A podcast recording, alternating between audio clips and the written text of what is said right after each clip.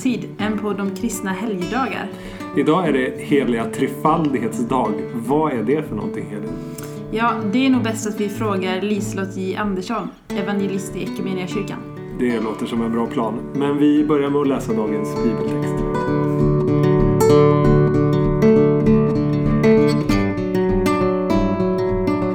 Då läser jag evangelietexten för heliga trefaldighetsdag och den är från Johannes evangeliets elfte kapitel.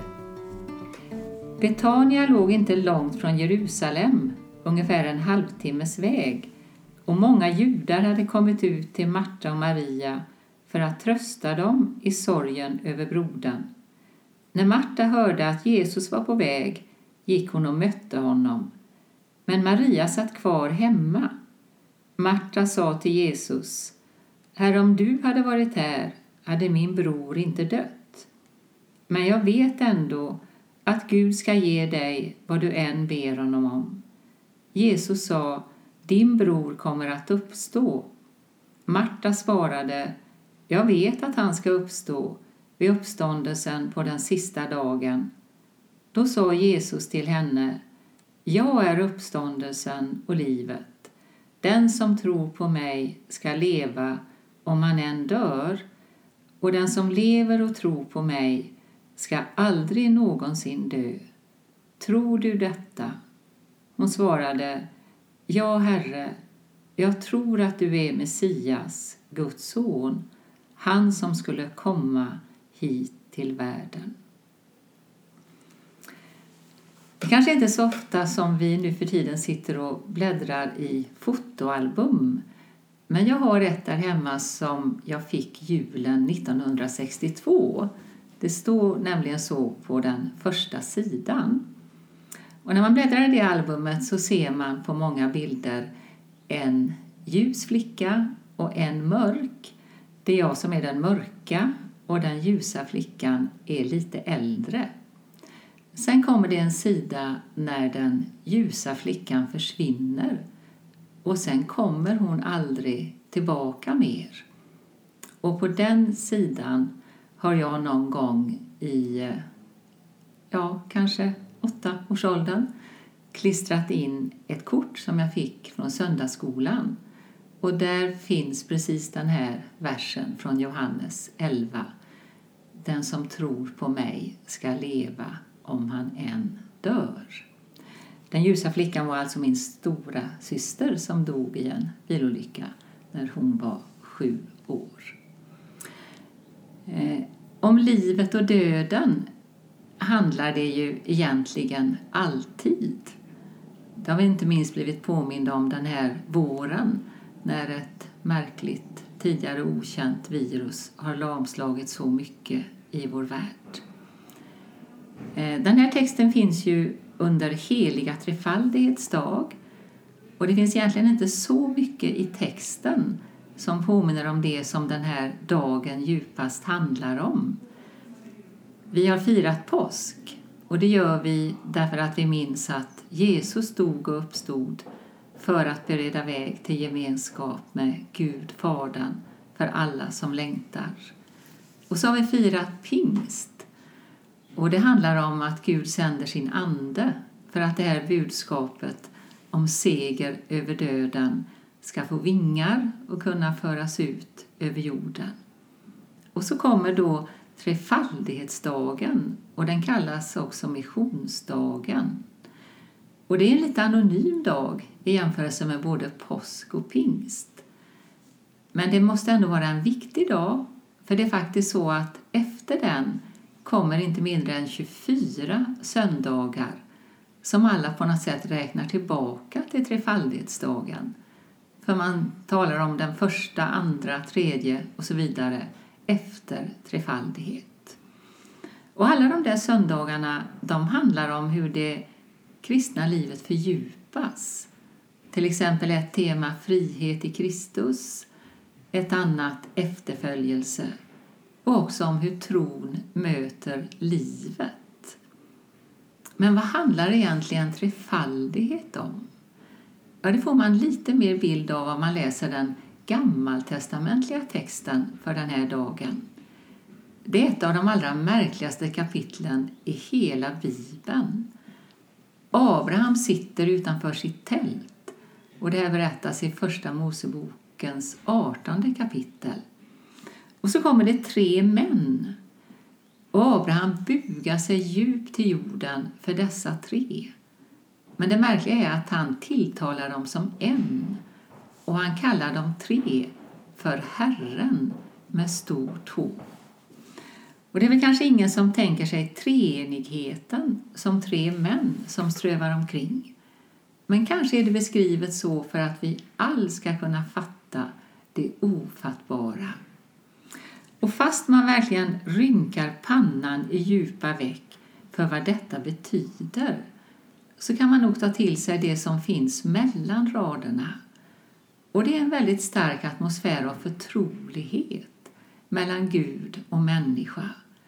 Det finns någonting i Guds hjärta som Gud gärna vill dela med Abraham som handlar om världens räddning, om det som en gång ska komma. Och så finns det något i Abrahams hjärta som han verkligen vill dela med Gud. Och det handlar om förbön för ett speciellt utsatt folk. Och det här med treenigheten som ju egentligen trefaldighetsdagen handlar om, det finns inte som term i Bibeln. Men i den unga kyrkan funderade man mycket på vad det kunde betyda att Gud hade uppenbarat sig både som fader, som son och som ande. Och utifrån det formade man trosbekännelsen som vi ju än idag använder i våra kyrkor. Eh, heliga trefaldighets dag kanske inte är någonting som man direkt firar. Men det finns åtminstone ett undantag. Och det är en liten by som heter Vinnersjö som ligger i Hedesunda socken i Gävle kommun. Där finns det en väldigt levande, varm, aktiv missionsförsamling, inte så stor, men med en stor värme och glöd. Dit har jag varit kallad åtminstone vid två tillfällen på trefaldighetsmöten just den här helgen. Då har man som sig bör tre möten. Och någon berättade för mig att lite längre bak i tiden då ställde liksom hela bygden upp. Så i bygdegården var det trefaldighetsdans, kan man tänka sig. Man får väl tänka att det var vals i tretakt eller så. Och det är väl mest lite kuriosa. Men det som är lite speciellt det är att när man läser om treenigheten i lite tyngre teologisk litteratur då talas det ofta om den trinitariska dansen. Och då tänker man sig att det är liksom inom Gud, mellan Fader, Son och Ande pågår som en kärleksrörelse eller en dans.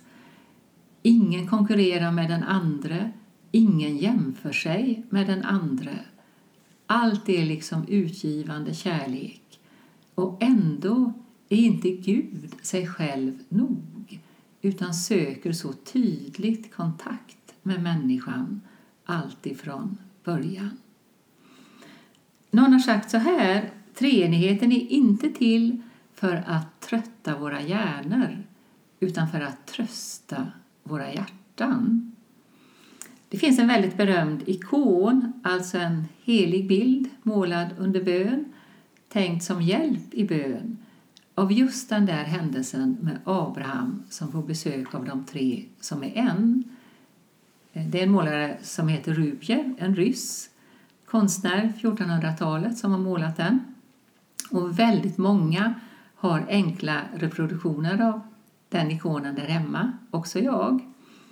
Eh, och inför den ikonen brukar jag sätta mig vid speciella tillfällen. Och det är framför allt när jag känner att jag vill be för något som handlar om trasiga relationer i mitt eget liv, i någon annan människas liv.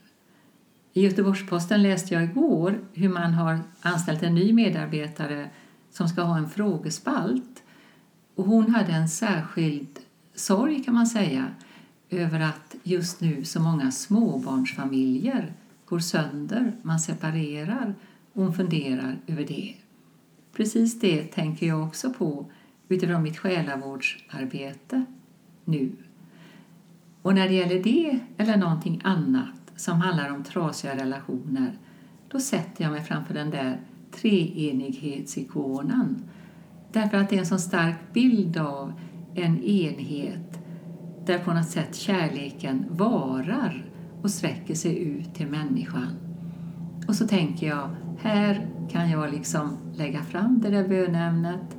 Här kan jag hämta läkedom, kraft, vägledning, hur jag kanske själv ska handla, hur jag ska råda någon annan. Marta och Maria, de fick möta Gud i form av Sonen som blev människa som vi. Jesus bad till Fadern och vi tänker att också den heliga Ande verkade när det här stora undret händer i berättelsen efter texten vi läste, att Lazarus faktiskt får liv igen. Och då tänkte jag bara citera några rader ur en dikt som också är skriven utifrån detta som hände med Abraham och som är en lite första smak av den treenige guden. Eh, det är en ganska lång dikt, men jag ska bara ta ett par strofer. Vilka är dessa främlingar som vi bugar oss för ända till jorden? Bara hjärtat vet. Tre främlingar klädda i himmel, jord och hav som om de rymde allt, livnärde allt och förenade allt. Vi lever i ett ögonblick utan slut. Det är kärlekens pulsslag.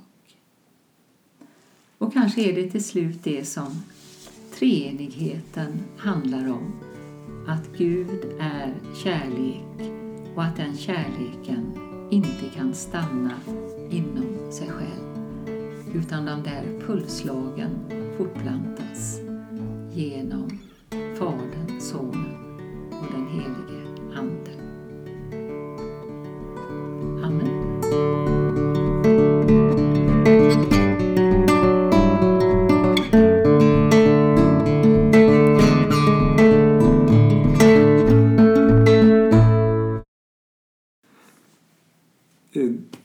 Precis eh, att eh, Gud är kärlek och att den där kärleken vill vidare till någon Mm. annan. Jag tänker att det finns en parallell mellan den här gammaltestamentliga texten Mm. och den, nytest, eller den evangelietexten. Att eh, det är Gud som kommer hem och besöker eh, Precis. människorna där de är på något sätt. Mm. Och i, i det tillståndet eh, som de är också på något sätt. Hur, eh, ka- kan vi förstå det på något vis att, att för vi vill så gärna sträva uppåt mot Gud tänker jag. Men Mm. hur, hur kan vi bli mer uppmärksamma på att Gud kommer till oss? Mm. Och det nämnde jag inte, men det är också så starkt i den där berättelsen om Abraham. Att eh, Abraham erbjuder Gud som är tre att vila. Han hämtar vatten till Guds fötter och han lagar till en måltid och står under trädet och ser Gud äta. Och det är ju ingenting som Gud på något sätt skjuter ifrån sig utan tar till sig det eh, som en väldigt tydlig bild av att också när det är stora saker på gång så räknas det lilla.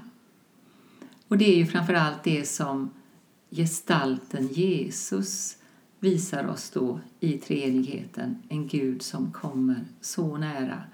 Och närmare kan ju ingen komma egentligen än ett litet barn.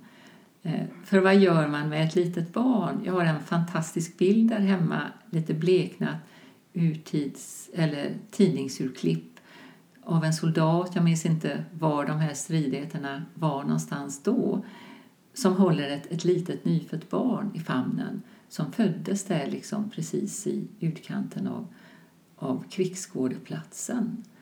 Och jag har den där bilden bara för att påminna mig om att så kom Gud. För att man inte kan visa ifrån sig ett litet hjälplöst barn. Mm. När man läser i evangelietexten så är ju, står det ju att, att Maria satt kvar hemma Mm. och Marta eh, kom till Jesus och pratade med honom. Och Marta var, man kan, man kan få en bild av att hon är ganska frustrerad och ifrågasätter Jesus här. Eh, och bara det att hon tilltalar, eh, som kvinna tilltalar en man och då ifrågasättande.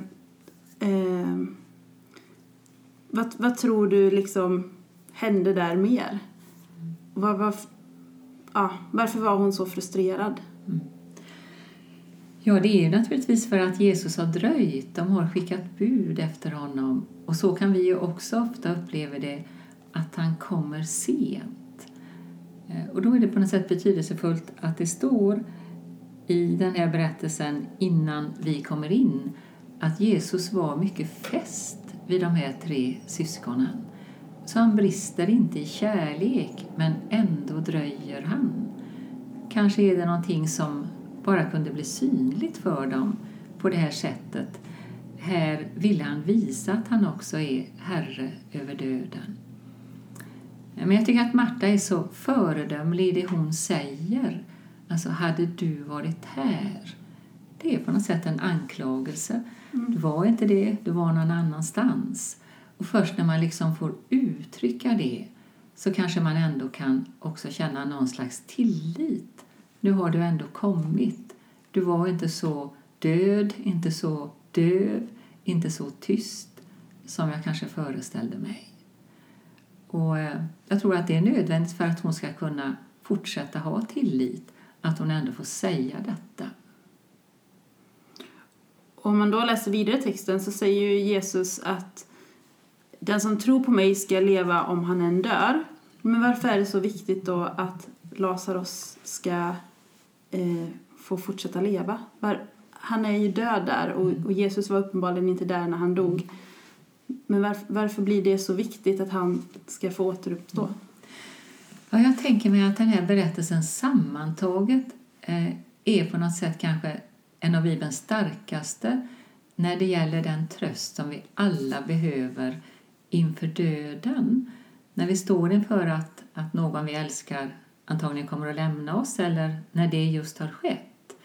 Eh, dels att, som det också berättas i, i den här situationen, att Jesus gråter när han ser de andra gråta. Och sen att han faktiskt har makt över döden. Eh, därför att även om vi tror att när Jesus dör och uppstår, det vi har firat under påsken, så sker det något avgörande med döden. Udden blir bruten, som det står. Så kommer vi ändå att fortsätta att dö. Vi kommer att fortsätta sörja vid någons grav. Och då berättar liksom den här berättelsen sammantaget att någon är hos oss i sorgen, men det är ändå inte döden som kommer att ha det sista ordet. Det, det är så jag tänker. Det är lite en försmak Mm. av det vi alla på något sätt kan hoppas att vi ska få vara med om. Jag tänker att när, eller Maria, nej, Marta är det som går och möter honom. Eh, Marta, se- hon säger ja jag vet att han ska uppstå på den yttersta dagen men det är som att hon säger att det ger mig ändå inte tillräckligt mycket tröst på något sätt. Och då säger Jesus att han, ehm, ja, men, om, han ska leva om han än dör. Eh, vad, hur kan vi förstå det? Vad, vad, vad menar Jesus där? Alltså, vad är det som lever vidare? Eh, alltså i, i döden eller genom döden. Eller, som inte bara är att det löser sig på slutet utan att det liksom... Mm, precis. Eh, när Petrus predikar på pingstdagen i Jerusalem, den första, det här berättas i Apostlagärningarnas andra kapitel, då säger han några ord vad det betyder för honom att Jesus har dött och uppstått. Eh, och jag tycker att det liksom är ett koncentrat, eh, det som är hoppet och trösten i den kristna tron när det gäller döden. Han säger så här, därför att Jesus dog och uppstod ska min kropp vila med förtröstan. Min själ ska inte lämnas i dödsriket. Jag har fått se livets vägar och jag ska jubla av glädje när jag får se ditt ansikte, Gud. Och jag tänker detta att ja, kroppen kan vila med förtröstan. Eh, faktiskt så tror ju, är ju den kristna tron en tron också på kroppens uppståndelse. Och själen, allt det som är vi, det ska tydligen inte bara försvinna i dödsriket. Och sen att det är lite lättare att dö om man vågar tro, ja, jag har ändå fått se lite av livets vägar. Något av det som det djupast handlade om kanske jag ändå begrep. Och sen att man ju tänker döden som den stora skilsmässan, och det är det ju i så hög grad. Och så kommer det där in, nej, jag ska ändå få möta ett ansikte. Och man kan tänka Guds ansikte, man kan tänka utan att veta ansiktet på någon man gärna vill möta igen. Eh, och när så mycket tydligen ska leva genom döden då är det det att ta vara på livet här och förvalta det man har. Men det är liksom inte den totala katastrofen kanske med det som ser ut att försvinna utan man verkar kunna ana en fortsättning. Det visste jag inte när jag klistrade in det där märket från söndagsskolan på min systers plats, hon som försvann och aldrig kom igen. Men jag kanske hade någon slags aning om det. Mm. Om vi bara tittar tillbaka lite på treenigheten Mm. så beskriver du det som en, en dans. Mm. Och när jag hör dans då tänker jag att det är någon som för. Mm. Vem, är det någon som för? Vilken härlig fråga. Och, eller är det... Hur ser, hur ser dansen ut? Mm. Är det en line dance där, man, där de står på rad eller en ringdans? Nej, jag tänker mig kanske inte att någon för.